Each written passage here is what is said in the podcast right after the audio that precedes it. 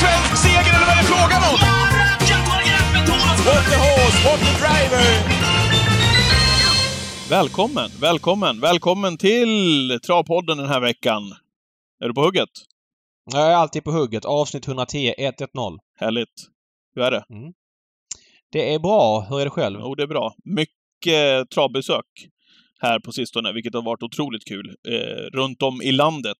Alltid kul att komma ut så här på sommaren och ja, man får, får känna sig för lite grann. Se hur mycket publik som rör sig ute på travbanorna, vad man själv får för feeling. Eh, ja, nej, men det har varit en härlig travvecka för min del. På tal om publik och eh, förra veckans hiss, Stefan Eriksson, lyckades ändå dra ihop 3 500 på lunchtravet på Sundbyholm. Det får man säga rätt bra jobbat. Ja, du låg, du låg rätt på det med din hiss där. Den kom veckan efter, Ja. eller samma vecka så... Ja, men det, det där är ju... Jag vet inte vad man ska säga, men det, det är ju underbart på något vis också. Eh, man pratar om lunchtrav som en död eh, publikupplevelse. Nu ska man ha klart för sig det är mitt i sommaren, men det är semester. Men det är ju inte förbjudet för de andra travbanorna heller att hitta på saker under semestern när man vet att det är mycket folk i rörelse kanske i sin hemkommun, att göra någonting speciellt även det är lunchtrav. Här handlar det ju inte om vilka hästar som kommer ut på tävlingsbanan. Inte det minsta, utan här handlar det om en paketering där man erbjuder barnfamiljer. Eh, vad jag förstod så var det lite djur på plats där. Eh, det var någon gratis glass. Eh, när man åkte därifrån så hade man en godispåse på eh, bilrutan och man marknadsförde nästa tävlingsdag, där man också hade no har någon form av happening. Så att Ja, det är liksom, det är, man, man behöver inte kanske alltid gå över ån för att liksom Förstår du vad jag menar? Det är, ibland måste man Nej. bara kunna göra det enkla och här, han lyckas ju med det här, verkligen, Stefan. Och här ska vi hålla det isär då. Jag har sett att det, det snackas ju om det här på sociala medier. Givetvis, det blir ju en snackis. Men det är då marknadschef då, Stefan Eriksson på Sundbyholmstravet som gör det här. Man skriver att ja, men nu måste sportcheferna vakna. Sportcheferna, de ska ägna sig åt sporten, marknaden åt marknaden och publik. Mm. Så är det och eh, vi ska eh, säga det också att det här är ju... Jag fattar att man alla har olika förutsättningar i olika städer och så vidare men Sundbyholm har ju x antal koncept som funkar. Om man då har trögt med idéer i andra städer, det är väl bara att kopiera av det rakt av liksom. Mm. Ring, Eh, ring Stefan. Ring Stefan. Ja. Nu, nu blir säkert vissa upprörda så på andra banor. Jo men vi har inte samma förutsättningar, vi har inte ditten och vi har inte datten. Nej. Nej, så är det. Men eh, antalet idéer är ju väldigt lågt. Så hoppas att eh, Stefan kan skapa någon kulturförändring bland banorna. Publik behövs och det är mycket roligare på trav när man är Mm, många. Om jag förstod det rätt då, så var det upp mot 5000 eh, med barnen inräknade då på Sundbyholm en vanlig lunchtravsdag. Helt övertygad Mm. om att de kommer tillbaka till travet framöver också. Ja, men sen så kanske inte alla var där för att spela Nej. och göra det som vi i travet vill. Men någon kanske får en connection till travet, har varit på travbanan. Jag menar, återigen, det handlar om att rekrytera inte bara spelare utan i förlängningen även hästägare. För vem ska äga hästarna vi spelar på om det fortsätter så här? Mm. Jag vill ju hellre att min häst vinner ett lopp på Sundbyholms lunchtrav med 5000 åskådare med 25 000 till vinnaren än att den vinner på Solvalla i oktober, en sån här sax-onsdag med 85 personer till vinnaren eh, och 50 000 säger vi då i första pris. Alltså dubbelt sökt första pris. Det är ju liksom... Ja. Det, första priset blir liksom sekundärt när upplevelsen blir så förstärkt av att det är mycket folk. Så att eh, där är ju själva essensen av det vi pratar om. Fler kommer eh, säkerligen att prova och, och, och kommer väl inte alltid att lyckas. Men jag säger det, det är bättre att prova eh, några koncept och så får man se vad det är som funkar just på sin egen bana. Nej, det är snyggt jobbat. Kul att se de bilderna man blev matad av på sociala medier ifrån Sundbyholm där Stefan lyckades få dit så mycket folk faktiskt framöver. Vi kan väl följa upp det där framöver också. Det är ju en snackis såklart, publikfrågan. Ja, men vi måste försöka ha med Stefan i podden. Det känns som att det är läge för det nu. Ja. Eh, Apropå publik, eh, kan väl bara ta det. Jag kommer från Bollnäs igår. Jag var där. Satt i... Ja, men vi börjar med Åbergs. Aha, att vi vi börjar längst tillbaka okej. i kalendern. Mm, jag var där också. Ja, du var det. Du var i cirkeln. Berätta, hur upplevde du det? Jag har kört eh, väldigt länge i Vinnarkyrkan. Jag kommer inte ihåg när jag körde. Jag tror att jag var med första året. Jag var där när Citation vann. Vilket år kan det ha varit, David? Oj, det kan ha varit 07, något sånt. Han vann ju ett Elitloppsförsök 07, tror jag, Citation.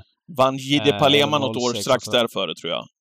Ja, det stämmer. Mm. Palema, exakt. Jag tror jag var ja. med i ett av Jide Palema-åren där. Sen har vi kört sen dess i Vinnarkyrkan just också. Det är klart, eh, det, var, det var ju, när vi pratar om här åren, så var det ju betydligt mer folk på publikplats. Precis som det var på alla andra eh, travbanor runt om när det var stora tävlingsdagar. Eh, publiksiffran har ju sakta men säkert gått ner. Eh, och så är det också på Åbergs. Eh, nu måste jag säga det ändå. Eh, väderrapporterna, jag följer ju väderrapporterna lika slaviskt inför den Åbergs tisdag som du gör inför Solvallas Elitloppshelg eh, mm. varje år. Och följde ju då, och det var ju minst sagt mörka moln. Det var väldigt, väldigt blåsigt skulle det vara. Man hotade med lite regn. Eh, sen någon dag innan där så tog de bort regnet, men Likförbannat så blåste det halvt storm. Jag körde två tröjor och en jacka i Vinnarkyrka, vilket säger en del när man står där eh, omsluten av, av alla läktare. Eh, så jag måste säga att det var många eh, härliga som trotsade det. Det var fullbokat tidigt på samtliga inomhusplatser. Det var mycket folk utomhus runt Vinnarkyrkan. Det som tidigare var genom, ja, när vi går tillbaka till citation-åren här då, då Eh, fyllde man ju också upp borta på den här ridhusläktaren som är precis i sista sväng om man säger. Där var det väldigt mycket folk. En fin Åbergskväll när det var lite varmare ute. Eh, den ekade ju tom nu, men jag måste ändå säga att det var väldigt härlig stämning runt cirkeln där och på publikplats totalt sett eh, på Åbergs, eh, trots det här vädret som var. Vi kan börja med det sportsliga. Ehm, Don Fanucci säger att cementera sig som eh, solklar Sverige-etta får man väl ändå säga. Det finns ju hästar som kanske är nästan lika bra eller kanske bättre. Typ Hail Mary och någon till men de mm. måste visa det. Eh, Citation vann ändå ett Elitloppsförsök på 9 blankt eller var det 9-1 från dödens. Var 1,90 eh, favorit i finalen. Um, vann ju Norrbottens Stora Pris enkelt och vann ju även Årjängs Stora Sprinterlopp på ett imponerande sätt via tredje spår. Sista Nej, varvet. Inte Citation, ju... utan Don Fanucci. Don Fanucci. Ja. Förlåt, sa jag mm. Citation? Ja. Herregud. Eh, nu vann han Hugo Åbergs i varje fall eh, från spets och jag såg inte Örjan vika fram körspöet en enda gång sista 1200 meterna. Vet du vad han sa off-tube han... i vinnarkirken? Nej. Idag hade jag kunnat kört hur fort som helst. Mm. Alltså då blåste ja. det ändå en motvind på bortre långsidan som, som inte var att leka med. Ja. ja, det är häftigt när man vinner ett sånt lopp med spöet bakåt. Vinna på 9-9. Så är det. Eh, Don Fanucci är en av de riktigt stora. Jag hörde väl lite snack om att det kanske blir Sundsvall Open Trots som nästa uppgift. Mm. Ja. det var, det, och det var väl...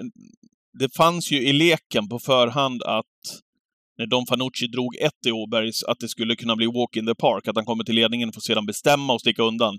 Nu var det ju högdramatiskt första, vad kan vi säga, 200 meterna. Det var ju inte långt borta att clickbait tog sig förbi alltså.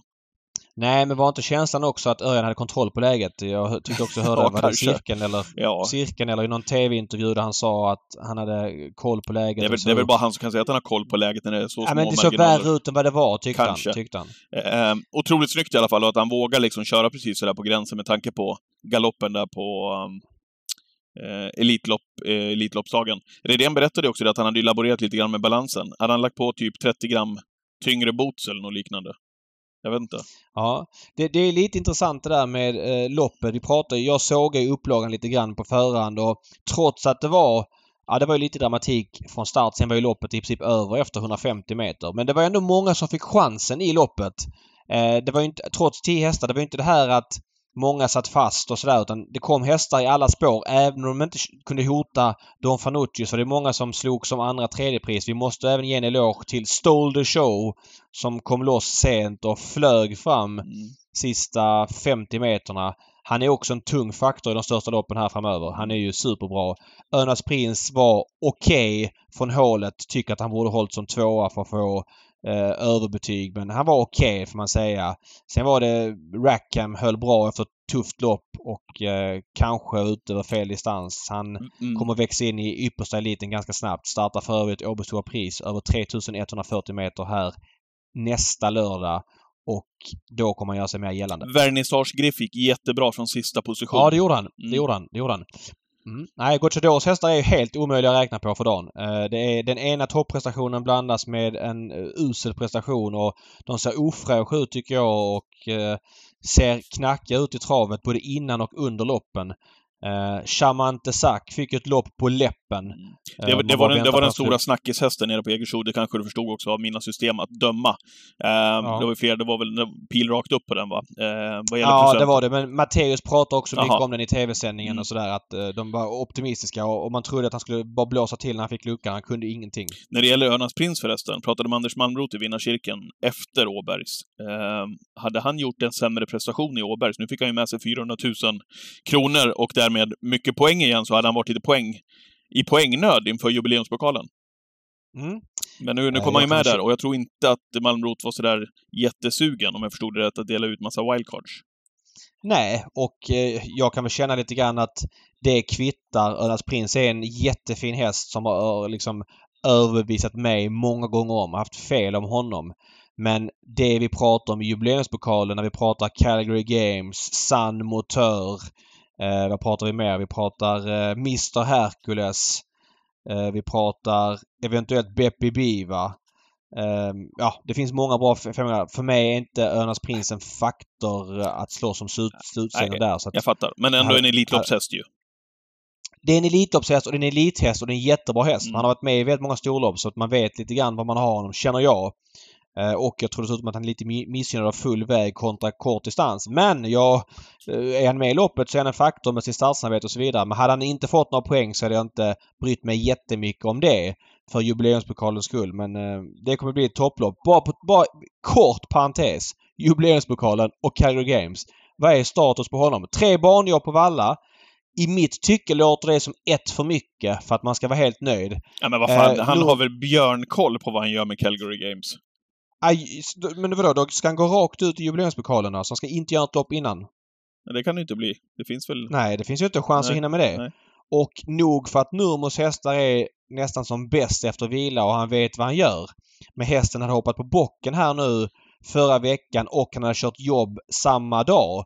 Tredje Men är inte det här på- typiskt Nurmos alltså? Alltså att den kommer ut och ser förmodligen och är hur bra Nej som men helst. alltså så här. Jag kan inte... Det är klart att jag har ett superförtroende för Nurmos och, och sådär. Eh, Och det är möjligtvis att han är jätteoptimistisk bakom kulisserna. Men av det man hör när han säger att han hoppar på bocken på förmiddagen och att Nurmos kör ett snabbjobb med honom på eftermiddagen. Ska han bara gå rakt ut och, och liksom kanske tvingas gå i dödens på San Motör eller Brambling eller Mr Hercules eller något sånt. Om det nu blir så, det är inte säkert. Och vinna därifrån. Alltså det är en jätteintressant aspekt. Hur och vad kan man förvänta sig av Calgary Games? Startar han ens jubileumspokalen? Ja, det är många nej, frågetecken och, och mycket spekulationer runt honom. Eh, Det är ändå den mest spännande hästen inför den dagen får man säga. Men lite kul ändå att han är osynad inför det loppet. Ja men det är extremt kul. Vi pratade i förra veckan om att det är tråkigt att han inte startar så ofta men när han väl startar så blir han en, des, en desto större attraktion. Och, eh, nej, jag, jag undrar bara vad statusen är på honom. Tre banjobb låter som något för mycket för mig och jag vet inte. Något lopp i kroppen hade känts bättre men nog för att Timo Nurmos är mycket bättre än David Neves på att träna häst. Så att jag, jag No litar shit. på honom fullt ut men jag kan ändå inte låta bli att undra vad är statusen? Det- Tillbaks till Åbergskvällen. när Calgary Games Eh, floppar där på, på um, jubileumspokalen. Vad var det jag sa? Han skulle ha bara Ja, jag- kört jag- två jobb. Ja, du, du är inne på något intressant. Han blev förmodligen favorit där och så vidare. Jag kommer ju inte kasta mig över honom som spelobjekt eh, med de här förutsättningarna. Det kan jag säga dig. Samtidigt kanske inte Timo startar om han är 100-100 och det är det jag kanske mer lyfter upp att han inte är helt redo och därmed inte startar. Det är det jag känner mer för. Startar han, ja då får man nog anta att han är på topp. Neves. Men du Åbergs... Han skulle bara gå ja. två jobb. Vad var det jag sa? Ja, exakt. Ja. Du, Åbergskvällen. 5000 hissar man upp på publikplats. Eh, Du var ju där. Det är den i särklass sämsta publiksiffran sen, ja, jag kan missminna mig. Jag, jag drar några axplock. 2005 15 000, 2010 16 000, 2015 12 000.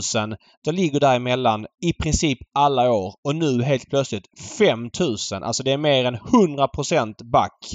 Eh, vad säger du om det? Eh, nu ska inte jag säga det, de där siffrorna kanske stämmer genom åren, men man har ju varit med om en och annan gång när man varit runt och gjort V75-tävlingar till exempel. Runt om i Mm. landet, eh, och du med, eh, som redaktör, när man har hissat upp publiksiffror som man verkligen har undrat, stämmer det här?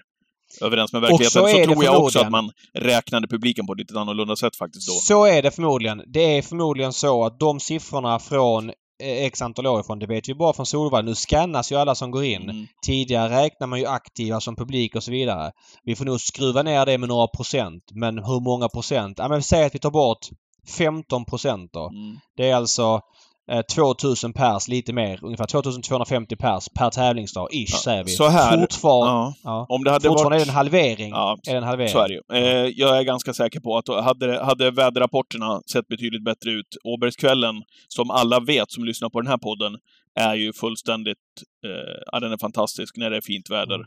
En, en kväll med toppsport, Eh, ja, det, har man varit där så förstår, förstår man precis Absolut, vad jag menar. jag skriver under på det till 100%. Och det är klart, 100%. när solen är framme, lite varma vindar. Jag tror inte att det finns så mycket som slår en Åbergskväll faktiskt. Eh, nu var det många som trotsade de här uh, pinvindarna som kom. Det var ruggigt Mm. oskönt faktiskt, så att jag tror att det är en stor faktor eh, till, till den siffran som du hänvisar till precis här på Åbergs. Ja, fast det har varit sämre väder tidigare Åbergskvällar. Det är klart att Åbergskvällen likt alla andra travevent lider kraftigt av ett publiktapp efter pandemin. Det är ju i princip bara Elitloppet som har klarat sig helt okej. Jo, även Eskilstunas stora fyraåringstest, men de har ju Stefan Eriksson i laget så att inte den dagen tappar så mycket Ojämna publik. lag. Ja, nej, men det är flera andra stordagar som har tappat jättemycket publik eh, post pandemin. Och det vore konstigt om Åbergskvällen inte vore en del av det. Mm. Men 5000 på Åbergskvällen i år, jag menar, är vi nere på de nivåerna nu var är vi om fem år om det regnar en kväll på Åbergskvällen? Ja. Då är ju hela magin borta. Kom, så att, eh, kommer lite mer nästa år tror jag, med fint väder. Men du, eh, det var Ja. helt underbart i alla fall. Eh, Jägers har ju hittat sin grej. Du pratar ju ofta om, eh, vad heter det nu? Vad heter låten? Bongosång, heter den det? På Valla när man kör till Ja, starten. exakt. Ja. men exakt. Den som ni på Rom och Rättvik kopierar och kör på sömniga saxkvällar i november. Ja, den vet jag vilken det är. Men vi Ja. kopierar inte Magiska Åbergs era och The Nej. Mass som man kör där med några minuter kvar. Ja, Jag tycker det är skithäftigt. fan vad bra. Och det, men det är det som är bra ju, för man får ju associationer till den tävlingskvällen när man hör den låten. Jag tänker direkt på Åbergskvällen när jag hör den låten. och direkt, eh, man har jublat, ja precis, och jublat över vinnarna också i vinnarkirken. I det här fallet då i år Kihlström och eh, Redén. Då kör man på högsta volym. I körschemat så står Ja. det på högsta volym Sweet Caroline. Och jag lovar dig att hela restaurangen och alla de där eh, tappra själarna ute vid borden där, de sjöng med. Det var ruggigt häftigt alltså. Vilken, vi, kan, vi, ja, vi, vi, kan, vi kan be vår redigerare Johan Dahl bara slänga in några få sekunder av den låten man associerar med Åbergs.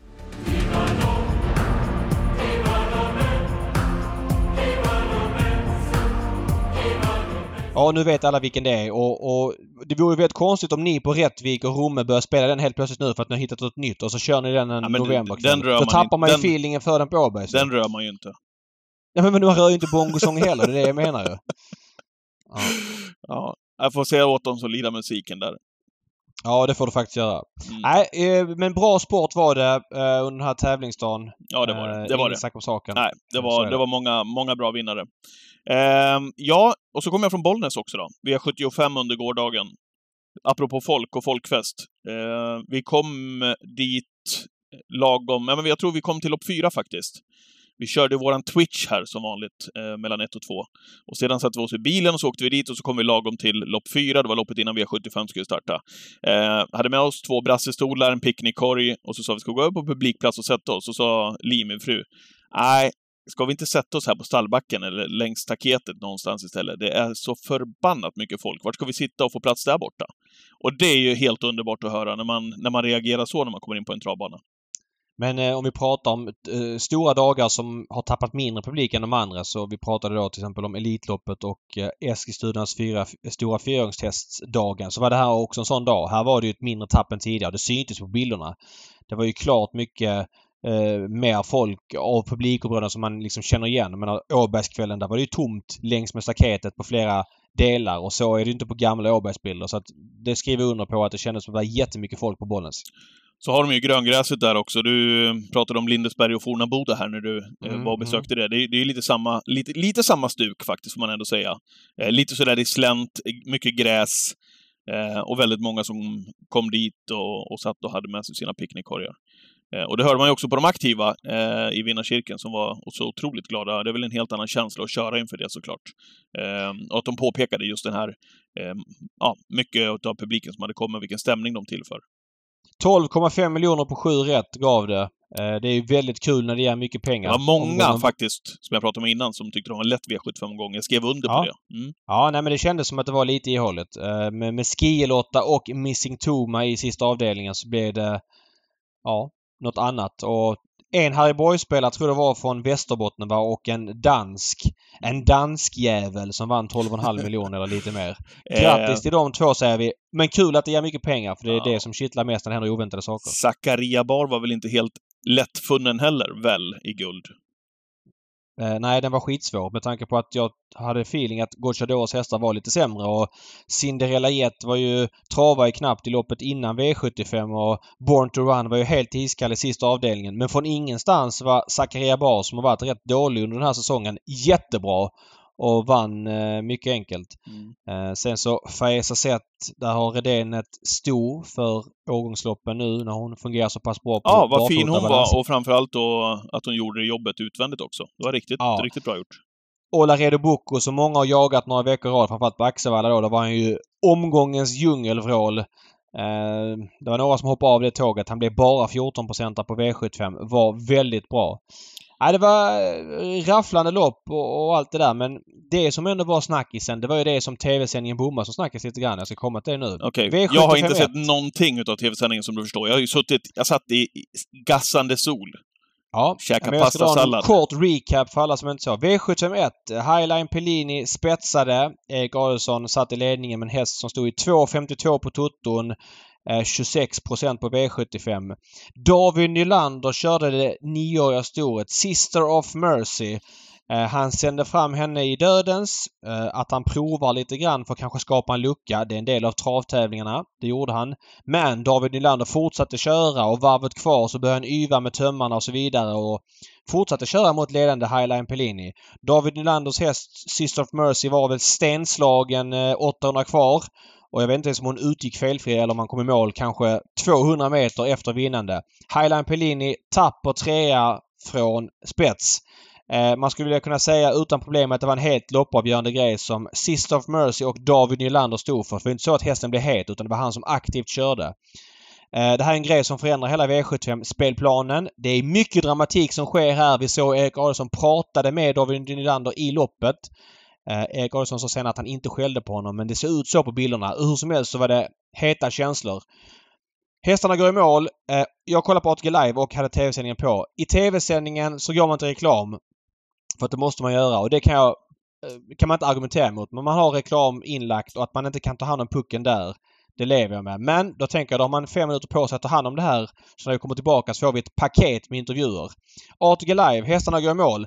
Nej, då kör ATG Live inslagsserien Älskade häst. Och jättebra inslagsserie. Det är en viktig del av det vi behöver visa upp i travet. Men någon känsla måste man ha som redaktör. Man kan inte köra ut den direkt efter att loppet har gått i mål när det är så heta känslor. Efter det här Älskade hästar, det kör lite från Kungstravet så vi får vänta ännu mer. Jag menar, när man kollar på ATG Live, nog för att man har sändningen på och lyssnar men det som är relevant till sporten måste ske i anslutning till loppen. För det är då folk kollar. Många zonar ut mellan loppen och så vidare. Eh, vi har känslorna och dramatiken där. Om det är en hockeymatch mellan Leksand och Mora. På visslan i andra perioden blir det ett stort slagsmål som bryter ut. Tränarna är inne på isen och det skriks och så vidare. Ja men då kör vi eh, inslagsserien NHL-svenskar vi minns. Då Är kör, det då, bra kör, prioriterat? då kör vi bongosång. Är det bra prioriterat? Nej. Och jag tycker det är jättesvagt att ATG Live inte kan servera oss den spänningen som, som sker. Det är bara att kasta sig över David Nylander och Erik Adelsson och höra vad som hände och höra deras snack om det här. Mm. Sen då till TV-sändningen när vi kom tillbaks efter reklam. Ja, då hade de ingen intervju med Erik Adelsson. David Nylander intervjuades av Kajsa. Jag tycker att han kom billigt undan. Han pratade mer om att ja, ah, men kör vi om loppet. Jag kan inte göra så mycket annat. Jag, jag, jag blir inte bättre placerad ändå. Men det var ju inte det som var grejen. Grejen var ju att han drog med sig Erik Adielssons häst i fallet. Det är det han ska ställa till svars för. Hur tänkte du? Var det här verkligen bästa möjliga placering du körde för? Nog för att du fick döden så testa från start. Han började yra om att ah, Erik satt och sov och så vidare. Men han var ju fan en längd efter Erik så den motiveringen håller inte. Där tyckte jag Kajsa kunde stått, ställt på mycket hårdare mot David Nylander som förändrade V75-loppets dramatik. Men eh, eh Sandra Mårtensson som numera heter eh, gick iväg och pratade med Erik och Erik sa något i stil med att, ja vad han nu sa, han lämnade en kort kommentar till Sandra off cam så vi fick inte Eriks känsla. Men Erik hade väl sagt till Sandra, jag kommer efter om något lopp. Då hade Erik hunnit värma och köra två lopp innan han kom tillbaka. Ja men då sa Erik det här vanliga, nej men alla kör sin häst och eh, kanske att det var en liten efterhandskonstruktion av David som sa att eh, jag eh, satt och sov för det gjorde jag inte. Men nej, man kör sin häst, han testade. Jag vill ju höra Erik med känslorna efter loppet säga att han är jättebesviken på David Nylander som punktmarkerar hans häst mer eller mindre nu när det har gått fler lopp, men vi har helt pointless intervju att köra. Jättedåligt omhändertagande och det här tycker jag är det största problemet med travet idag. Varför kan man inte fokusera och följa upp sporten? Varför är inte reportern där, hugger frågorna direkt när lopp, äh, hästarna gått i mål? Per Skoglund var ju programledare här nu från någon dag när han stod liksom när hästarna kom av banan. Det var väl på Axevalla när han gick iväg och tog kommentarer från kuskarna. Det var det loppet när Laredo Bucco var drag. Han var där och pratade med Bergan, pratade med någon annan. Man får korta, korta kommentarer. Det är den bästa trav-tvn tycker jag. Och att man inte har förmåga att följa upp den när hela V75-spelplanen ritas om på det här sättet genom en totalt huvudlös styrning av David Nylander. Det är jättesvår, jättesvagt redaktörskap och det här är någonting som Kanal 75 har gjort lite för många gånger. Jag var inne och kollade här bara för att jag skulle säkerställa. Jag tänkte, har du spikat Highline Pellini? Jag var inne och kollade på dina samtliga system som du har lämnat in här på spel och lekkontoret. Nej då, du hade Nej. garderat rikligt så att eh, det, var inte, det är inte det det står och faller på här, utan det är mer... Det har inget med saken att göra. Nej, men det, det kan vara bra, det kan vara bra att bara flika ah, ja. in här. För det är lätt att tro att, aha, nu, nu hade han spikat Highline Pellini som blev utsatt för det där och fick ingen uppföljning. Men så var det inte fallet i alla fall. Nej, och jag tycker det är tråkigt att man inte kan följa upp. Du har ju pratat mycket om det här. Känslorna. Vi har liksom läge där vi har två irriterade kuskar som kör av banan. Fånga dem direkt. Det är ju det vi, vi har på, folk på banan för att göra. Mm. Och, och sen att visst jag fattar att man, ja men vi tar Erik efter avdelning 4 för han tid. Jo, jo visst. Sen, men, sen är ju Erik, Erik liksom. han kanske den mest mediavana och mest verbala ja, fast kusken. han är också sur. Jo, jo men det är det jag menar. Han vet ju också att det blir ju bättre för honom också säkert Eh, om han väntar ja, ett tag fast... och han vet om att jag kan ta det där lite senare. Det är precis han, som du säger, han hade ju förmodligen... Du hade känt i alla fall på Erik att han varit mer irriterad om du hade fått intervjun direkt kloss på såklart. Mm. mm. Så är det och Erik Adolfsson här kanske kan säga ge mig fem minuter så får jag lugna ner mig. Oavsett så har det varit i anslutning till loppet. Nu blev det inte det alls. Vilket eh, är Den brukar Erik köra, eller gjorde den. det förr i alla fall. Han sa ofta det. Kan jag, ge mig några minuter bara. Jo, Just. och det får han gärna göra ja. för att han är irriterad och att han säger något dumt. Men då är det på hans, eh, hans vilja. Nu var det ju för att produktionen av den anledningen inte hade Erik Adelsson. Mm. Alltså, och detta ska sägas i ett perspektiv. Erik Adelsson som jag inte tycker kör en centimeter sämre än tidigare. Men han har en tuff period. Han har vunnit två lopp i juli månad. Båda är med Eric the Phantom. Alltså, och det beror ju på att de hästarna han kör är generellt sett sämre.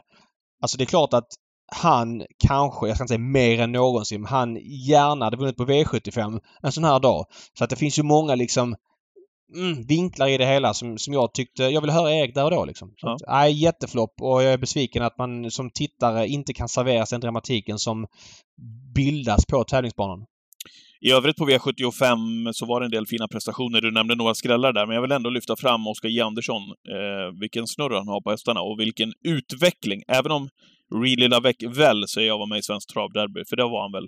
Det som fyraåring. Det var. det var han, ja.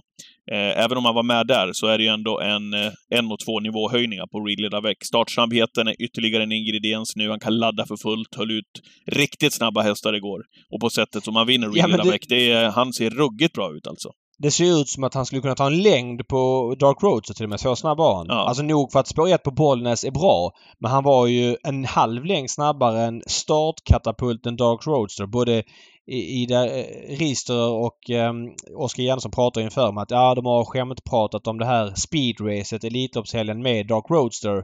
Och det har de inte gjort med Reed Lavec. De menar på att Dark Rose är alltså en startkatapult, en bilföljare. Visst, han kanske inte kom upp rätt till vingen och sådana där grejer som kan hända liksom. Men ändå, alltså han, han är jättesnabb Reed Lavec och jag har svårt att säga att Dark Roadster, hur han än hade prickat starten eller hur Ida än hade prickat starten, hade kunnat ta en längd på honom. Och Reed Lavec nu, jag hörde att de var lite sugna på jubileumspokalen. Han är ju klar för finalerna på ja, Åby nästa lördag. Det, köper det. Men som femåring, ja, jubileumspokalen är ett häftigt lopp att vara med i. Det är en häftig tävlingskväll. Jag hoppas att de väljer det. Där kan han knycka sig en bra sudd faktiskt, i det slag han är för dem. Ja, men så snabb som han är och släppa till någon bra och sådär liksom. Det är och en halv miljon till vinnaren och det är mm. jättefina pengar bakom.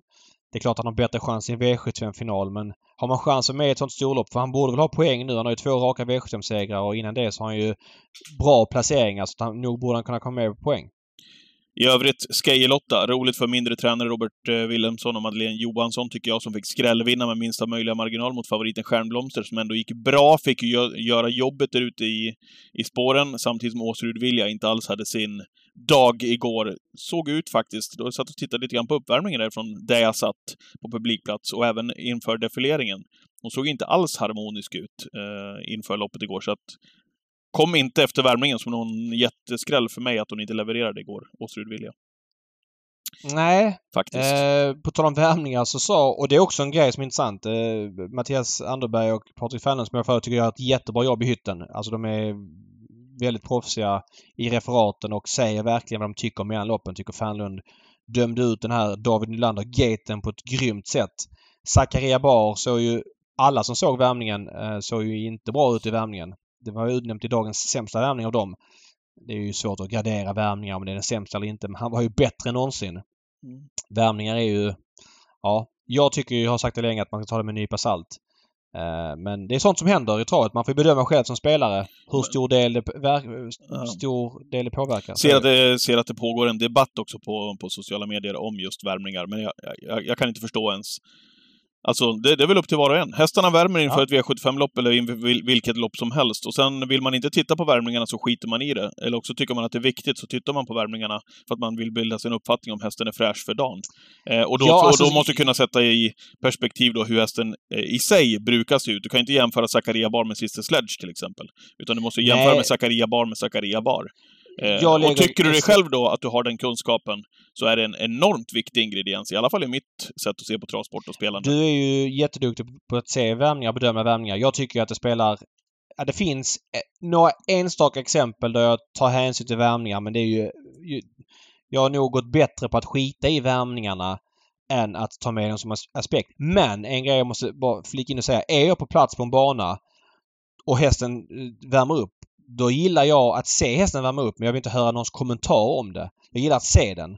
Eh, bara för att ha sett den. Alltså jag kan gå in på klickbara värmningar på ATG.se. Jättebra tjänst för övrigt. Om jag bara vill se hästen. Det handlar inte om att jag tar till mig eller springer och nickar lite grann så tar jag ingen notering av det för att jag vet att de kan värma med skor eller utan skor eller eh, med konstig utrustning och så vidare.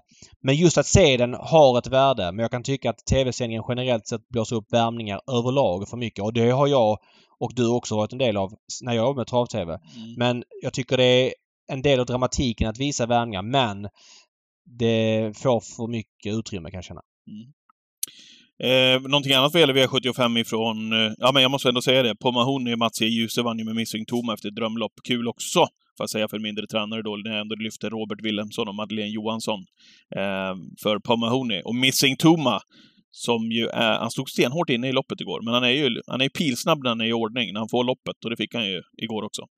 Mm. Nej, jag håller med helt och hållet. Eh, kul att det blir eh, den spridningen på V75 så ofta som det blir. Det är klart att Redén, Nurmos, Berg och ett par till Wäjersten eh, är snäppet överrepresenterade för att de är bättre. Det är många andra topptränare som är där också. Men att det även finns utrymme för de här mindre tränarna att vinna, det är ju det som är själva tjusningen. Ja. Du, eh, amerikansk travsport, David, för dig. Vad, hur noga följer du den under ett år? Nej, jag följde den mycket noggrant för tio år sedan. Eh, gjorde jag. Okay. Eh, jag är väldigt, var väldigt intresserad av amerikansk avel. Men jag har tappat intresset för amerikansk travsport överlag. Jag följer inte det alls lika noga utan jag tittar till när det är handbot och andra större lopp. Jag tycker att tävlingsdagarna eh, är för tråkiga för att jag ska kunna följa dem. Men det är så viktigt att följa vilka som är de bästa hästarna i USA för de kommer ju göra sig gällande i den svenska aven framöver. Så jag vill ha sett dem på banan och sådär. Den amerikanska travhästen är fortfarande fantastisk även om jag tycker deras tävlingsprogram är lite rörigt och eh, ja, men lite ofolkligt med tanke på att det är så pass dyrt att ha med hästar i de mm. största loppen i USA. Ja, jag känner lite lika, men varje gång det, det vankas Hambletonian, då vaknar, eh, då vaknar jag till när det gäller eh, amerikansk travsport. Jag tycker det är fascinerande att följa de bästa treåringarna faktiskt. Kval var det eh, natten till eh, söndagen, till vi spelar in idag. Eh, Marcus Melander, veckans gäst. Otroligt kul tycker jag. Ja, eh, brorson till Stefan Melander. Han dök upp i tv-sändningarna här som gäst. Jag kommer ihåg när Scarlet Knight var med i Elitloppet något år. Då stod han med eh, var det Jessica Hanska i studion ja, där som... precis. Han äh, blev väl lite typ presstalesman typ ifrån Tarzans stall där ett tag. Ja, men lite så. Det blev han senare också eh, innan han flyttade till USA. Jag kommer ihåg när Tarzan hade sådana stora framgångar där. Friction-åren. Mm. Eh, då var han den som uttalade sig för stall Melander men var även TV-expert i vissa sändningar så att han är ju man är, han är ett vant face för oss som har med i travet. Men nu är han en av de bästa tränarna borta i USA och han har ju precis, fick jag lära mig i intervjun med honom, fyllt 30 år. Så att det är en maktman. Ja, vi lyssnar. Hambletonian som ju kommer nästa helg till oss. Välkommen till Travpodden, Marcus Melander. Tack så mycket. Vad kul att ha, ha dig med från, från andra sidan där efter alla dina framgångar. Framförallt då nu när eh, Hambletonian-försöken avgjordes natten till idag också. Vad säger du om resultatet så som det föll ut? Eh, hästarna gick fantastiskt bra. Vann ju tyvärr inget utav försöken, men, men eh, var ju två, tre, fyra och hästarna gjorde fantastiska bra prestationer. Eh, så jag var väldigt nöjd med, med, med kvällen, eh, även om som sagt eh, Vinner du så får du dra mellan spår 1 till 6 och det kan ju vara en fördel för nu kan ju vi få spår 8, 9, 10 om vi har otur. Så att, eh, förhoppningsvis har vi inte sån otur, men eh, känns ju alltid bättre att vinna då. Vi börjar med det viktigaste. Joviality som var klar favorit i sitt försök kom till ledningen men fick ge sig som trea Eh, i försöket. Eh, vann gjorde ju Ji Jog före Temporal Hanover. Vad säger du om hennes insats?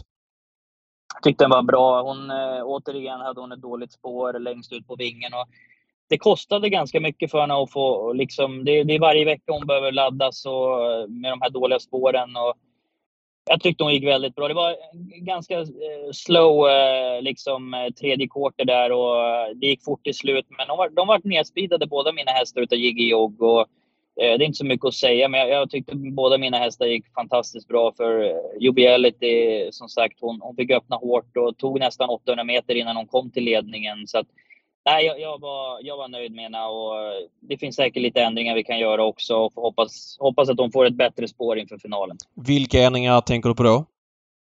Eh, det kan väl bli ett par rycktussar på när, Jag tror inte att jag kommer ta av några skor, men, men ett par rycktussar kan vi nog bli tal om.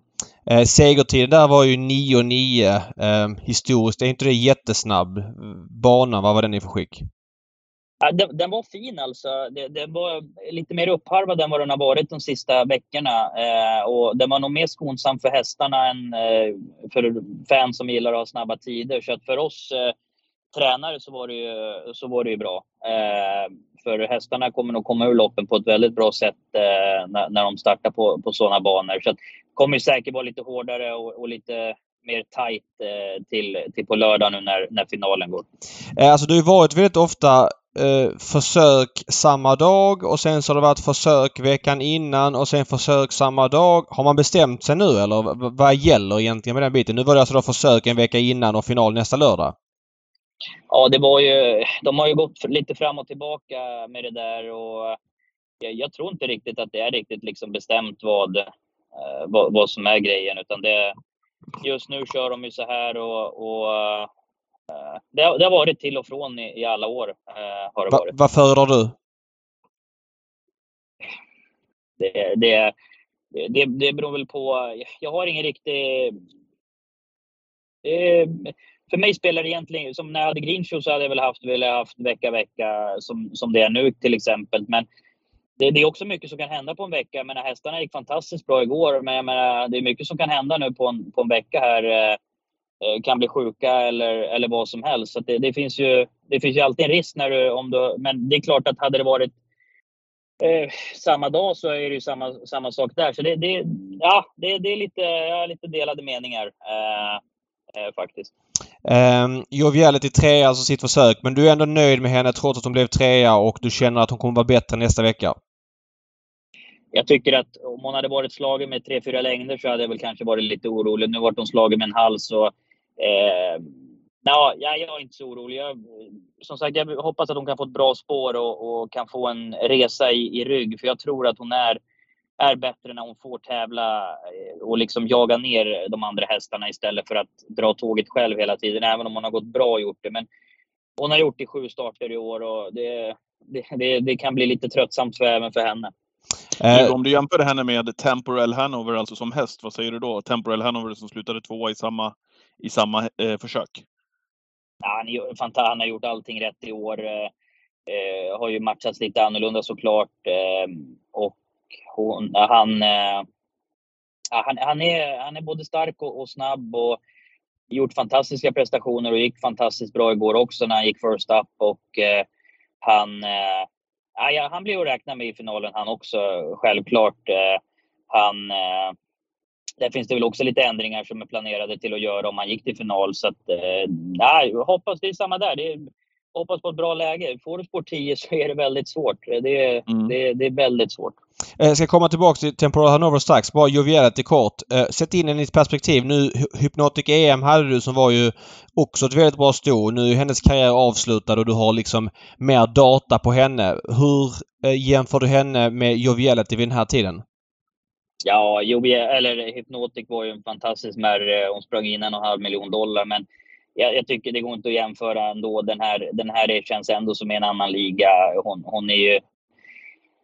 Hypnotic var ju också, hon var lite mindre modell och hade också en fantastisk teknik. Men, men den här tror jag har ännu bättre teknik och, och så oerhört händig eh, är den här hästen på, på alla sätt och vis. Så, nej, jag tycker att det, det den här är absolut det, det, bästa stoet som, som jag har tränat. Du hade ju tre fantastiska hästar i samma kull. Green Shoe, Green Manalishi och Chimpanzee. Om du jämför henne med Ja, med de tre kanske är svårt att säga men om du sätter in henne i ett perspektiv där de tre är med så att säga. Ja, hon, hon är i samma fack. Eh, hon är, ja, det, är, det, är en, det, är en, det är en oerhört bra märr. Alltså det, eh, hon, hon, eh, och hon, liksom, hon, hon vill, hon, eh, hon är så fantastiskt ärlig hästen och vill göra allting. Och, nej, hon, hon, eh, nej, eh, hon, det är en fantastisk häst alltså och det har hon bevisat redan. Men, men eh, ja, hon har all chans att, att kunna vinna finalen nästa vecka om, eh, om det vill sig väl. Nu, nu är inte du med varje vecka i podden så därför går jag lite händelserna i förväg. Eh, Eh, Hypnotic EM startar ju som fyraåring. Har ni bestämt någon långsiktig matchning? Eh, finns det någon procents chans att vi får se henne i Sverige? Hur tänker, tänker man där?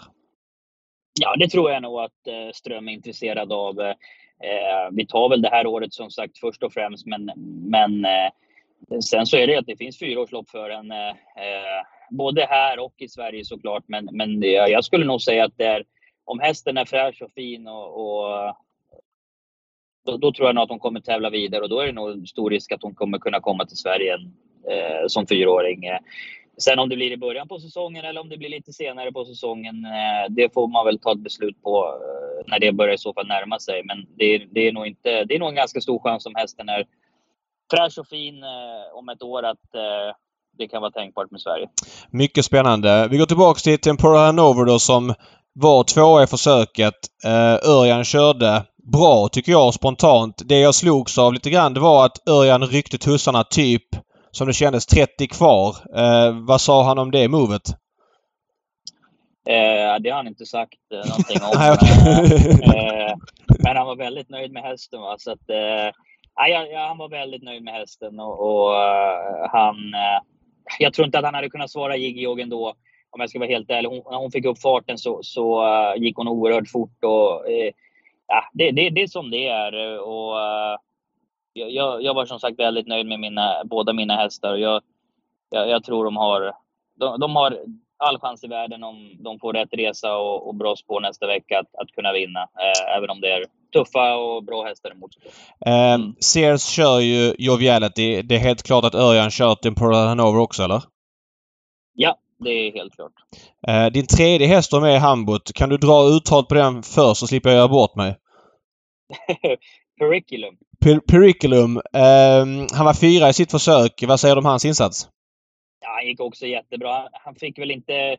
Tyvärr hamnade han lite. Han hade spår sju och hamnade, kom iväg som... Laddade lite med honom från start och Mattias kom iväg som fyra. Och tyvärr så fick han ju då gå eh, först i andra spår och det är väl inte riktigt hans lopp han ska ha, men ändå så höll han i väldigt bra och vart fyra. Och det är en häst, om, om han får rygg till, till upploppet så, så är han faktiskt inte så mycket sämre än eh, Temporal Hanover och, och Jobielit, Utan han, men han behöver ha en liten eh, resa där han kan få sitta i rygg och spara sin speed. Och, för då är han riktigt vass. Så att, eh, jag, jag, tror att de, eh, han kan tjäna en fin slant alltså det är väl lite ändringar vi kan göra på han också eh, till, till helgen som, som är klart intressanta. Och, och ja, han, han har visat att han duger mot de här hästarna och jag, jag tror att samma säger där, bara han får ett bra spår så, så kommer han kunna vara med och jaga en eh, fin slant där inne. Vad är det för ändringar du funderar på där?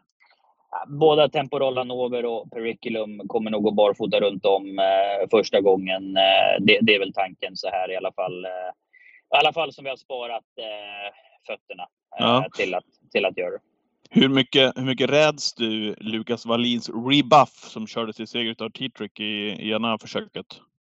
Ja, det är ju favoriten just nu och, och med all rätt. Och det är klart att eh, Eh, det kommer bli en svårt nöt att knäcka, men jag tycker att vi har ändå så pass bra hästar att vi kan göra det.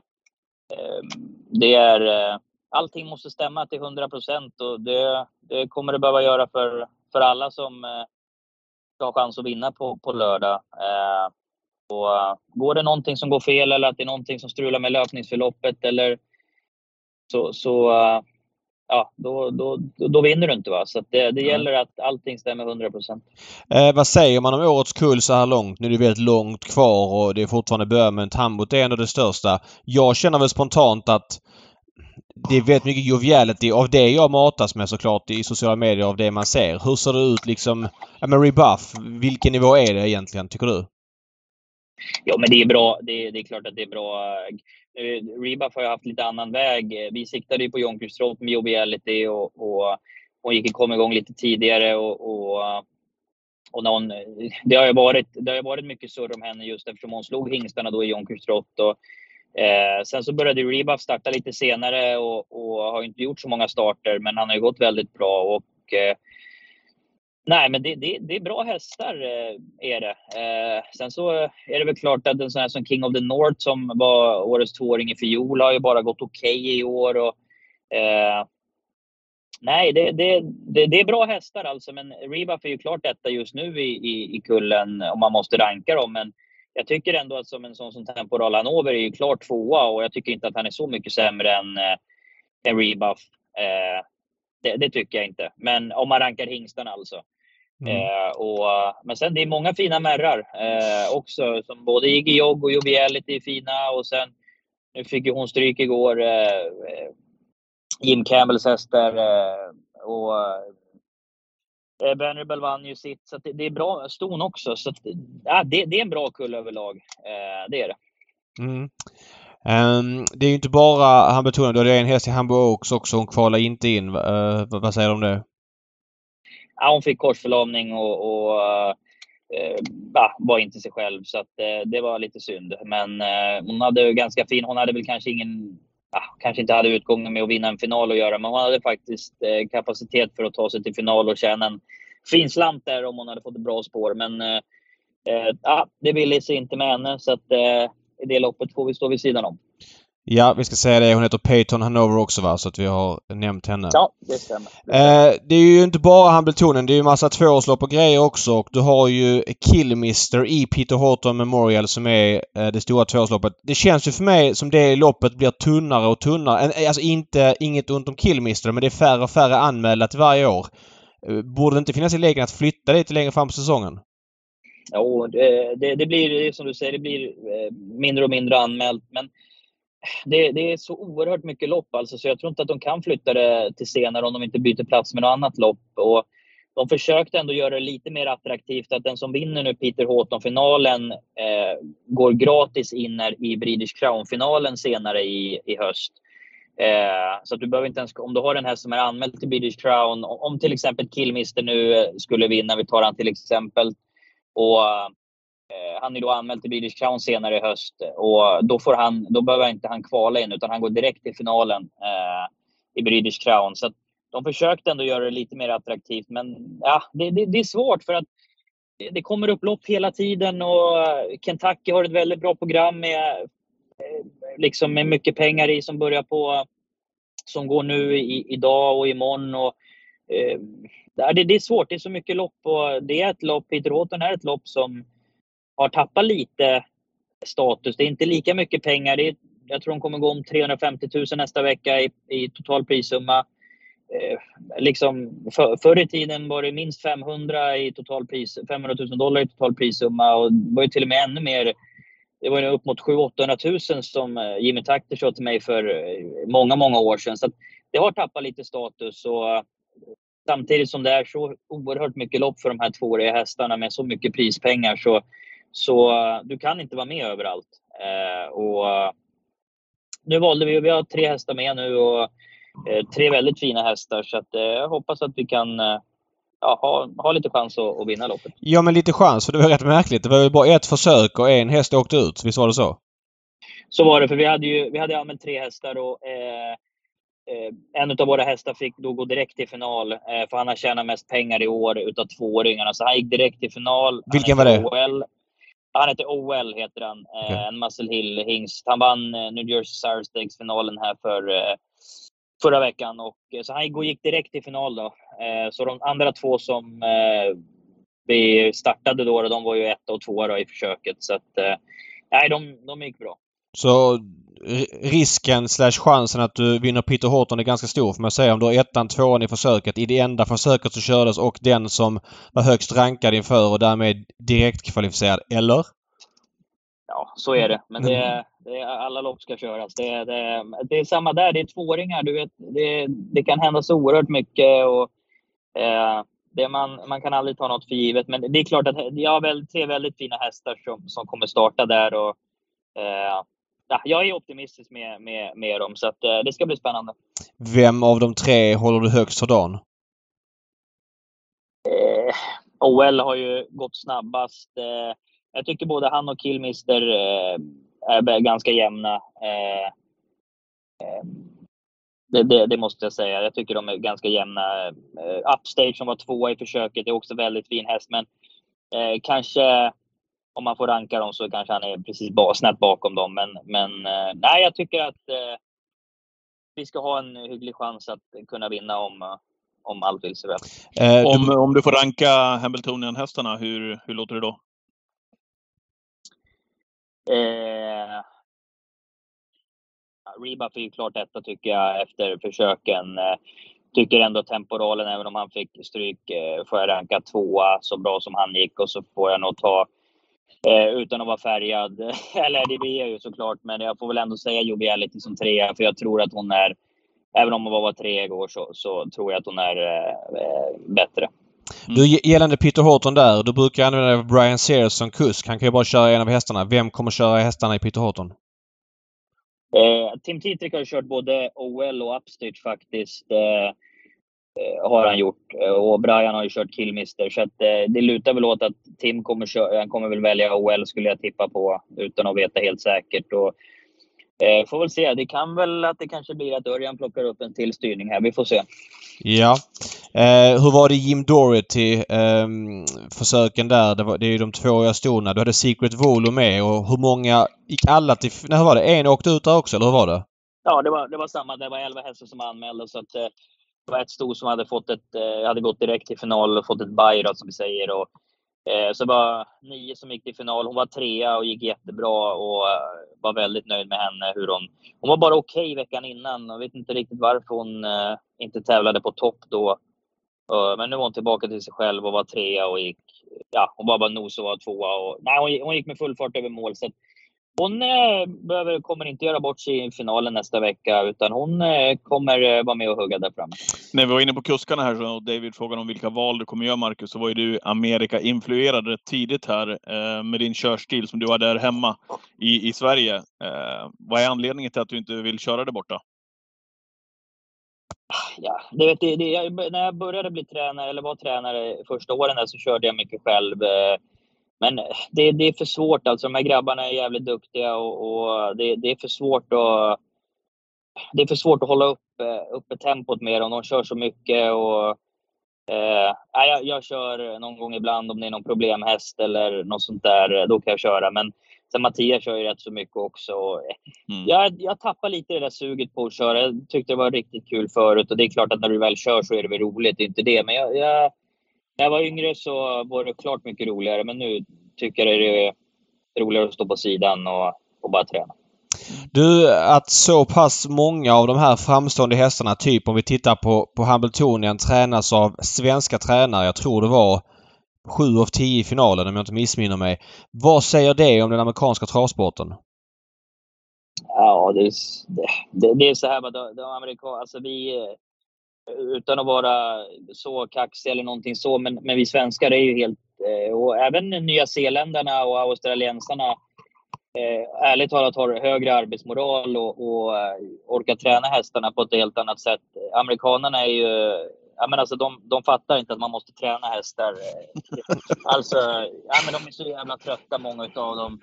Så att man blir förbannad. Alltså när vi flyttade hit så, och, och, hade köpt gården här och det, så vi hade ju inte så mycket hästar då, men vi hade ju lite inhyrda eftersom vi har nästan 100 boxar här, så hade vi då amerikanare som hyrde in sig här. Och det var ganska intressant att se hur de tränar, för att alltså, vi är ute, när vi tränar, vi är ute en timme med våra hästar ungefär när vi, när vi tränar. Och de här grabbarna alltså, de, de åkte ut och så körde de då värmde de upp två varv på våran 800-metersbana. Så vände de upp, så körde de en mile och sen vände de upp och så joggade de in. De var ute 10 minuter och tränade sina hästar. Alltså det, det förstår du själv att det kommer ju aldrig... Jag menar, det går ju inte. Det, ja, De, de är... Det, det, ja, men men kul, kulturen runt det. Jag menar att... Jag menar, du är ju väldigt ung. Lukas Wallin är väldigt ung.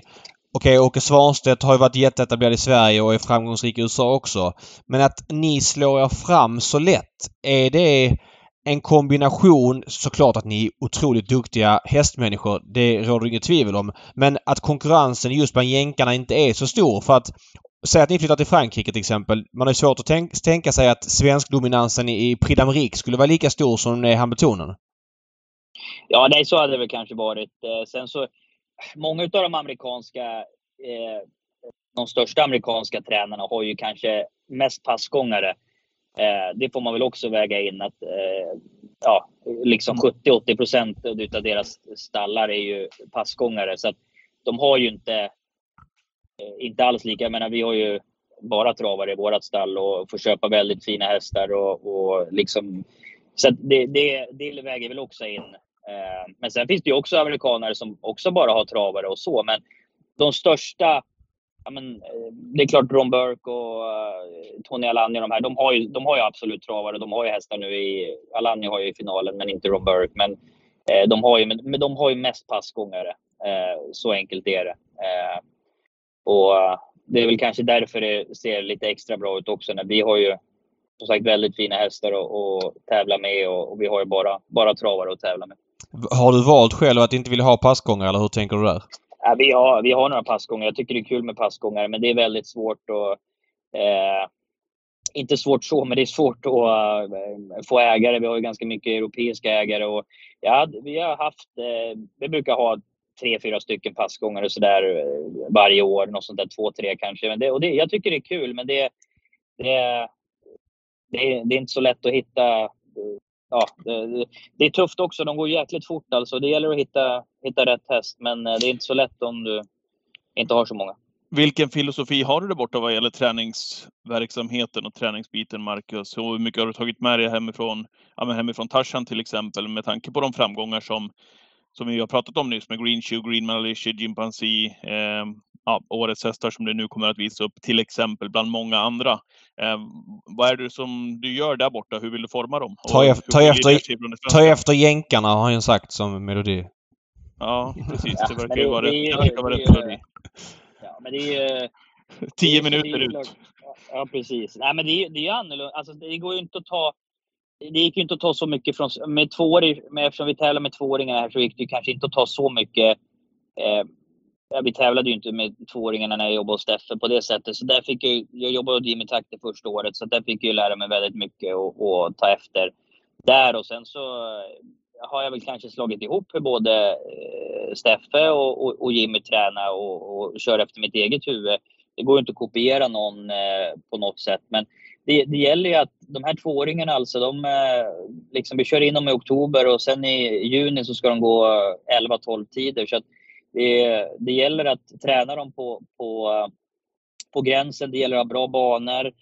Eh, gäller att inte som sagt köra för fort menar jag med att inte, alltså man måste köra på gränsen. Det menar att du får inte köra för fort för tidigt. För de, de är oerhört talangfulla alltså. Du kan köra hur fort du vill. Ja, inte hur fort du vill, men du kan köra väldigt fort väldigt tidigt om du vill. Men eh, det gäller att liksom, eh, ja, att inte köra för fort för tidigt. Och sen att underhålla dem liksom med allt eh, som, eh, du vet med kiropraktiker och massage och allt sånt där. För de, de, de är ju bara två och de växer och har sig. Och, eh, mm. Det kan komma en period i mars där de, ah, den här hästen känns inte riktigt bra just nu och då får man, då får man ta den individen och kanske bara ta det lite lugnt i två veckor för han har kommit in i en växtperiod och sen gå tillbaka och träna. Och, ja, det, det, det är mycket, det är inte bara att åka ut och bara köra utan det, det gäller att eh, underhålla och ha kontroll på allting. Du har varit i USA nu rätt länge. Du är bara född 92. Det känns som att du varit med i branschen i, ja, men jag vet inte, 30 år. Och du är, har du fyllt 30 än förresten? Fyllde 30 för två veckor sedan. Två veckor sedan. Jag tyck, tyckte jag läste någonting om det. Grattis i efterskott då. Eh, Juli är en bra travtränare för övrigt. Stig fyller år 26. Jan-Olof Persson också. Bernt Lindstedt 21 och du nu också. Så att det, det är perfekt. Men eh, du har varit länge i USA nu. Jag vet att du har fått det här vid sidan av hundratals gånger också. Den långsiktiga planen, är, eh, är du... Jag fattar att det finns jättemånga fördelar med att vara i USA, kanske några nackdelar också. Hur tänker du? Vi pratar 5, 10, 15 år framåt. Eh, jag gillar det ju här eh, i USA. Jag har väl inga planer på om, om, uh, om det fortsätter att se bra ut på, på att skulle flytta tillbaka till Sverige eller något. Det är i alla fall inte som, som det känns just nu. Men eh, sen vet man aldrig om man skulle kanske vilja haft någon eh, filial eller någonting eller något sånt där. Men det, det, samtidigt, det är så oerhört mycket tävlande när det väl drar igång här eh, eh i, i maj, juni och framförallt nu i juli när, när tvååringarna börjar starta också. Så det är, oerhört mycket tävlande. Eh, men som det ser ut just nu så skulle jag väl inte ha några planer på att flytta tillbaks. Eh, I alla fall inte de närmaste tio åren. Om, om det inte är såklart att det, sporten börjar ja, gå, åt, och gå åt det andra. Sporten är ju väldigt, går ju väldigt starkt just nu. Det är oerhört bra pengar i eh, både Kentucky och, och, i New Jersey har de ju höjt och mycket pengar att köra om. Och, så att sporten mår bra just nu. Och ja, det är viktigt. Vi pratar ju väldigt mycket i den här podden om publik och upplevelser när man går på trav eh, live. Eh, det är mycket mer industri kanske i USA. Hur rankas publikupplevelsen bland dig och dina kollegor? Hur ofta säger du till Dexter Dan Åh, nice det var idag med så mycket folk på, på banan. Var kul. Hur viktigt är det där? Ja, men eh, som igår på Meadowlands var det mycket folk. Sen om, eh, men det vet, de, de gör ju ordning va, så att det är som lördagar. De har lite olika grejer och du vet, det är mycket food trucks och du vet, det är eh, DJs och du vet, det är liksom, sen om liksom 50 procent av de där som är där kanske inte kollar, är så intresserade av loppen, men det är i alla fall mycket folk. Så att, som igår var det, igår var det bra drag på publikplats alltså. Eh, så det var, det var kul. Sen om du åker till eh, Pocono eller Chester eller Jonkers eller någonting sånt här, det är klart att det, eh, det är, det, det, det är helt stendött. Det är klart att det är några få, men Eh, Meadowlands gör ändå mycket för att försöka få publik och eh, som sagt lördagar brukar det vara mycket folk och det var, var rätt så mycket igår också. Eh, inte som det var för 20 år sedan kanske men ändå eh, att när vi är här 2022 så, så var det ändå mycket folk. Du, eh, kan man säga att de anstränger sig lite mer? För sig Medellands byggdes om för x antal år sedan så känns det väl ändå som att det är lite mer gå på banan med publik och att göra grejer. Det är alltid... Jag har ju bara varit på Hamburg. Jag har inte varit på andra tävlingsdagar på Medellands. Men det känns som att alltid det är, man anstränger sig. Det är lite tivoli. Det händer lite grejer på publikplats. Eh, så var det väl kanske inte riktigt... Alltså gamla arenan kändes ju gammal och ödslig oavsett hur mycket folk det var. Så är det inte längre. Nej, men så är det. Så är det. Så det, det var kul igår att, se så mycket publik. Och, eh, nej, men det, det är de, som sagt, de försöker i alla fall få dit eh, folk. Och, eh, fredagar kanske är det lite mindre, men just lördagar. Eh, det är ändå lördag och det är mycket barnfamiljer och som du säger, det är lite karuseller. De sätter upp popborgar, eh, food trucks. De försöker ändå få dit folk. och eh, ja, de, de, de, lyckas ändå bra måste jag säga. Eh, det, det, måste jag säga. Du har ju eh, Örjan kvar än så länge. Jag vet inte, när åker han hem idag eller? Ja, han flyger hem här på eftermiddagen så att han har varit ute och kollat lite på gården här så han verkar nöjd. Vad... Eh, du, du snackar inte om det alltså om att han hade ryckt tussarna lite sent igår? För det kän, känslan var att det var en sån här klassisk Örjan-styrning. Han skulle slå eh, Joviality för att vinna försöket men så kom Jigjog. Hade han, hade, hade han sett att den hade kommit så hade han skitit i att rycka tussarna för att spara det till finalen. Det är känslan med honom liksom. var du... Ja, ja alltså, han, han brukar inte behöva vinna försöken för att vinna finalen. Så det, det, men det enda som är annorlunda i det här eh, landet är ju då att även om du är tvåa så har du chansen att få dåligt spår. Ja. Eh, Mm. det, det är ju det enda som är nackdelen, att du inte vinner. Annars så, eh, men som jag säger, att jag tror inte att han kanske hade hunnit... När hon väl fick upp farten där så, så eh, det är inte säkert att han hade kunnat svara till henne ändå, för det gick oerhört fort i det läget för, för henne. Så att, eh, ja, nej, jag, jag var väldigt nöjd med henne ändå. Mm. Du, bara vi, kort innan vi avslutar. Svenska travet, hur mycket följer du nu på sommaren? Ah, det är väl eh, när det är de här stora tävlingsdagarna. Det, det, annars är det väl ganska svårt. Vi gör ju mycket tävlingar själva och, och följa och allting. Men, men eh, försöker ju... Det går ju inte att kolla V7 eh, hela, varje lördag för att vi, eh, vi har ju oftast kval på lördagar på morgonen så att vi hinner inte riktigt se det. Men försöker alltid titta på repriserna eller kolla resultatet och sådär. Och sen så är det klart att när det, de här stora loppen, eh, de, de försöker man ju alltid Eh, eller de, de ser jag väl alltid eh, live om, om det inte krockar helt och hållet. Så att, eh, nej, men vi, jag, följer, eh, jag följer rätt så bra. Du Marcus, eh, Greenshoe där vi, som vi pratade om alldeles nyligen. Vi, vi pratar om eh, aktionen här som kommer på Solvalla här om en, eh, en kort tid. Eh, här i, i augusti så är det dags för yearling sale på Solvalla. Greenshoe har ju någon avkomma med där i katalogen. Vad tror du om Greenshoe som avelshingst? Ja, det kommer låta löjligt för jag sitter och säger det, men det, det är bara att gå och titta på dem sen. Så, alltså de som jag har sett eh, i det här landet eh, ser ju oerhört fina ut. Exteriör. Han var ju fantastiskt fin exteriör på han också. Och det, jag tror att han kommer eh, bli en oerhört bra avelshingst. Han, han var tidig och han hade farten och han har ju väldigt bra stam. Och, nej, det ska bli väldigt kul här i höst och, och och gå och titta på hans unghästar som, som säljs här också. Så att, eh, jag tror att han eh, jag tror han kommer bli en eh, fantastisk avelshingst. De är ju ett, de äldsta. När tar du in ettåringarna? Vi köper dem ju i... Det är klart att det är några, några homebreds då, eller som, som inte säljs på auktion som kommer in. Men vi brukar köra in dem i mitten på oktober när de kommer från Lexington. Okej. Okay. Fattar. Det gör vi. Du, hur ofta snackar du med din farbror Stefan Melander? Eh, ganska ofta. Eh, inte, I alla fall nu när det är tävlingar och, och han, han sitter ju och tittar på alla lopp också. Det är ganska intressant. Eh, ja, men det är ganska bra att ringa han också och, och liksom se, har hans synpunkter om han har sett någonting eller något sånt där. För det kan ju alltid vara någonting du missar och, och sådär. Så att jag brukar ringa han, eh, ja, inte efter varje tävlingsdag, men eh, relativt eh, mycket när man åker hem. Det är ju som sagt tidsskillnad om man är hemma sent och sådär så, han, så, så brukar jag kunna ringa han och, och sådär. Så att, nej, men vi, vi pratar ganska ofta, det, det gör vi. Det måste man väl ändå säga att det, det är fascinerande. Man, man förstår att Stefan sitter och följer. Du sa ju det att det är svårt att följa den svenska travsporten här, men Stefan han, han, för, han försöker ju verkligen följa den amerikanska travsporten enormt alltså. Vilket är otroligt intresse.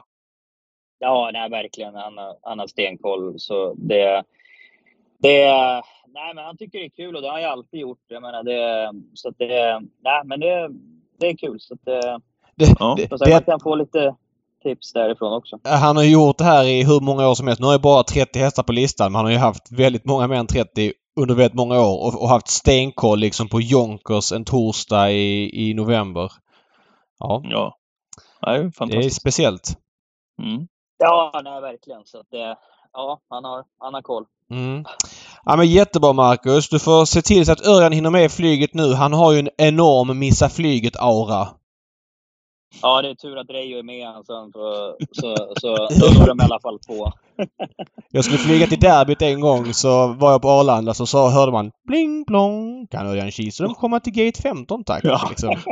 ja, man är inte chockad. Eh, ja, men jättebra. Marcus. Tack så mycket för att du var med. Lycka till då nästa helg. Eh, det tack. är Det stora behövs. pengar på gång och stora lopp och allting och det har ju gått väldigt bra för dig och vi håller ju ögonen på dig framförallt under de största loppen. Mm. Ja, tack så mycket. Tack. Toppen! Härligt, Marcus. Bra Marcus. Super. Vi hörs så då. mycket. Tack så mycket. Ha det bra. Simma lugnt. Hej Tja tja. Hej. Hej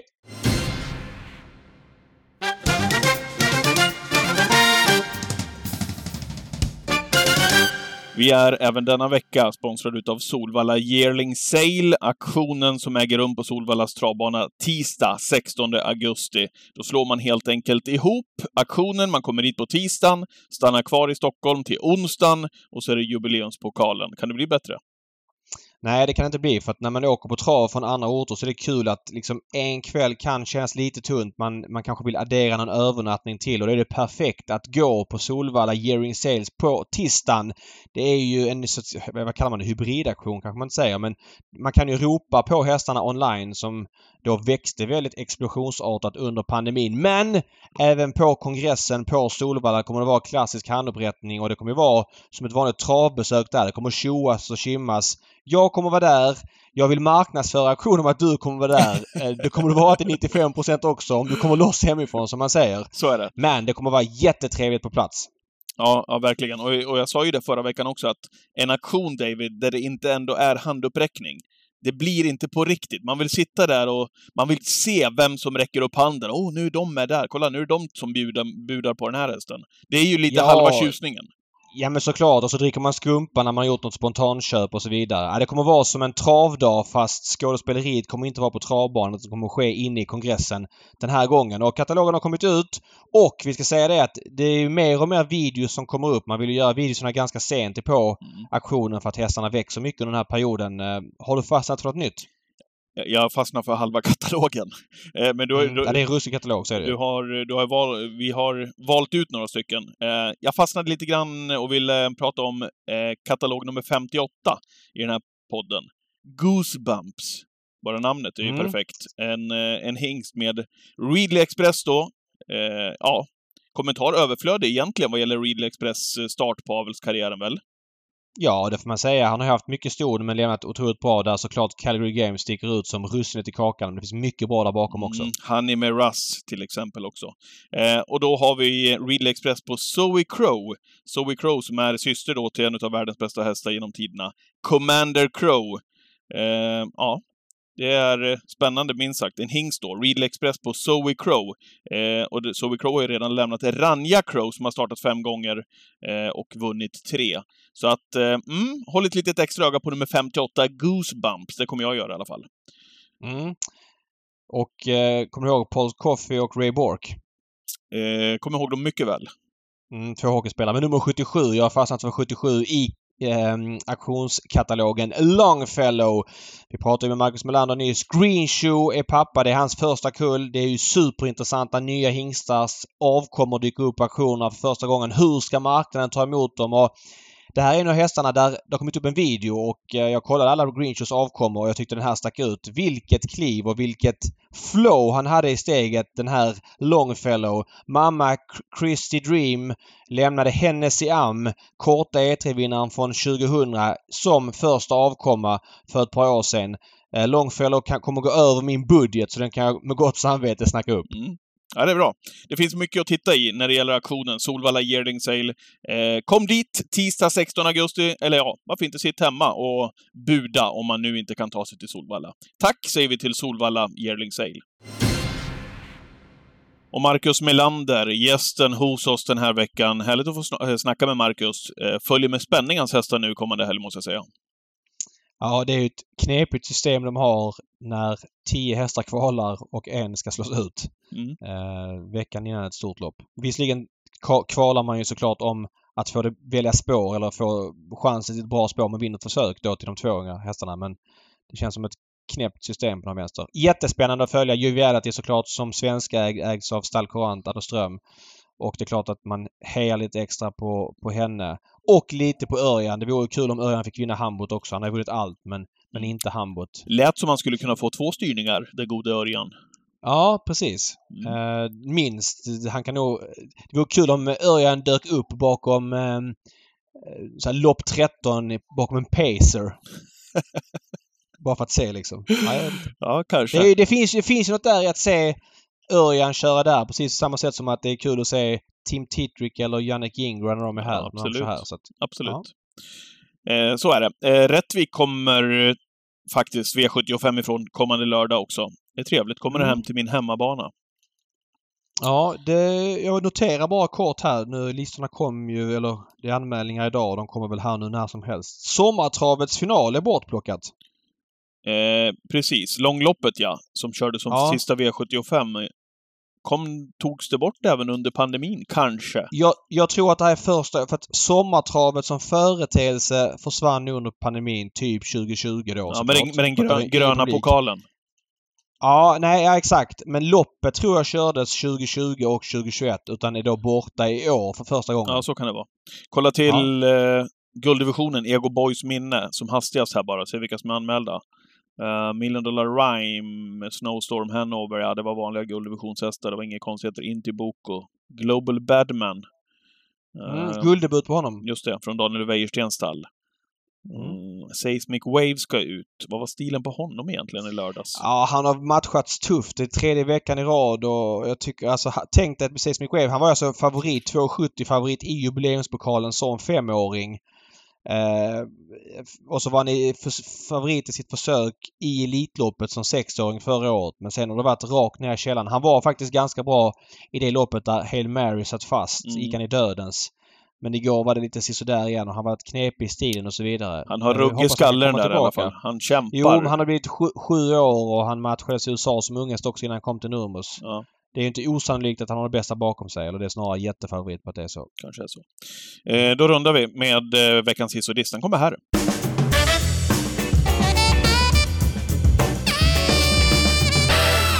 Ja, varsågod och dissa eh, David. Just det, jag ska dissa. Jag väljer att ta upp en grej som jag tycker fungerar sådär. Jag är ju ingen kallblodsexpert men jag tycker ju såklart att de bästa hästarna ska tjäna de bästa pengarna och eh, inom kallblodssporten kör man ju kallblodskriteriet som för treåringar och kallblodsderbyt för fyraåringar. Det gör ju att kallbloden är ju generellt sett senare i utvecklingen än varmbloden. Ja, även om de också har blivit lite tidigare genom åren, såklart. Ja, de pikar väl vid 10-11 års ålder medan ett varmblod kanske pikar 5, 6, 7. Eh, ja, de har tävlat som är 15 medan varmbloden då i Stonas fall tävlat som är 10 eller 14 som hingstar och vallacker. Men kallbloden är bättre längre men de blir bättre sent också. Här får alltså hästar som i princip kan debutera sin tävlingskarriär i försöket till kallblodskriteriet i andra starten vara med och, och, och köra om jättefina pengar. Jag har inget emot att de tjänar fina pengar men jag tycker att de ska nå rätt hästar. För det är väldigt sällan de här hästarna som är med och vinner kallblodskriteriet och kallblodsderbyt blir tongivande kallblodsstjärnor. Titta på varmblodssidan. Tittar du på gamla derbyvinnare och kriterievinnare så är det ju flera av våra bästa hästar som har vunnit de loppen. Framförallt då derbyt och det gäller även flera andra storlopp på varmblodssidan. Det hänger mer ihop. Men på kallblodssidan är det hästar man knappt hört talas om som vann liksom kallblodskriteriet för tio år sedan och kallblodsderbyt. Det finns ju såklart enstaka exempel framförallt då på kallblodsderbyt eftersom det är mer rättvist som är mm. fyra. Mm. Jag tycker man ska flytta kallblodskriteriet körs för fyraåringar och kallblodsderbyt körs för femåringar.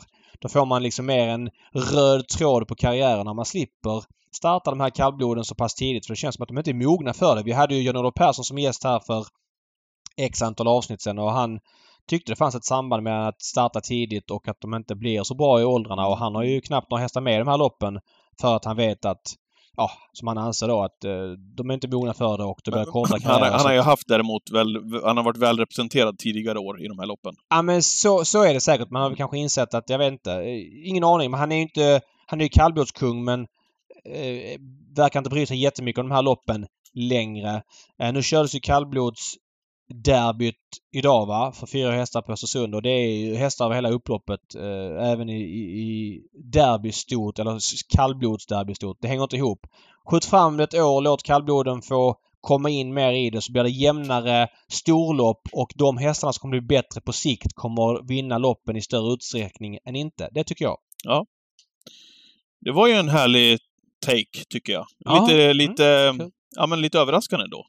Ja, du kul. tog, en, ja. Eh, tog en... Jag gillar att chocka. Jag gillar att chocka. Ja. Vi kan väl säga att segern gick till, i Svensk kallblodsderby och 600 000 till Tangen Minto. Tom-Erik Solberg. Kan du lägga det på minnet? Tangen Minto. Ja, men det var ett bra exempel. Precis. Mm. Eh, då hissar jag... Eh, och... Tränas av Öystein Tjomsland som alla andra hästar som är med i de loppen. Mm. Eh, då hissar jag och eh, jag måste ändå säga det. Eh, du sa publiksiffran på Åbergs. Ja, den var kanske inte, eller den var inte vad den har varit. Eh, vi hade midnattstrav på Romme. Den siffran är inte heller vad den har varit. Eh, men jag måste ändå säga att publiken eh, ändå bidrar enormt på travbanorna. Vilken underbar känsla det blir. Tyckte det var skön känsla på Åbergs. Jag tycker det var kul att se folk på Rommes travbana, även om inte siffran kom upp i, i de siffror det har varit tidigare. V75-känslan, alla människor i gräset på Bollnäs i lördags. Ja, det, är, det är kul att vara på trav eh, och det är en fantastisk publiksport. Det är bara att konstatera när vi har sommartravet hos oss och V75 och allt vad det innebär. Kom ut till travbanorna för det är en ruggigt härlig atmosfär när det är mycket folk. Eh, jag vill, som många andra, tro att det inte är en död publiksport. Nej, klart att det inte är död publiksport. Nej, men man hör det så jävla mycket så man börjar bli trött. Nej, men det är bland alltså. det roligaste som finns. Det är bara att de som går dit tas hand om lite för dåligt om man inte är beredd att lägga jättemycket pengar på det. Eh, vi ska säga det att i veckan som kommer är det jackpot på V86 från Skrubbs. Härliga Skrubbs i Visby kör sin mm. största tävlingsdag för året med Gotlandslöpningen. Den tävlingsdagen låg i mitten av juli tidigare, framflyttad.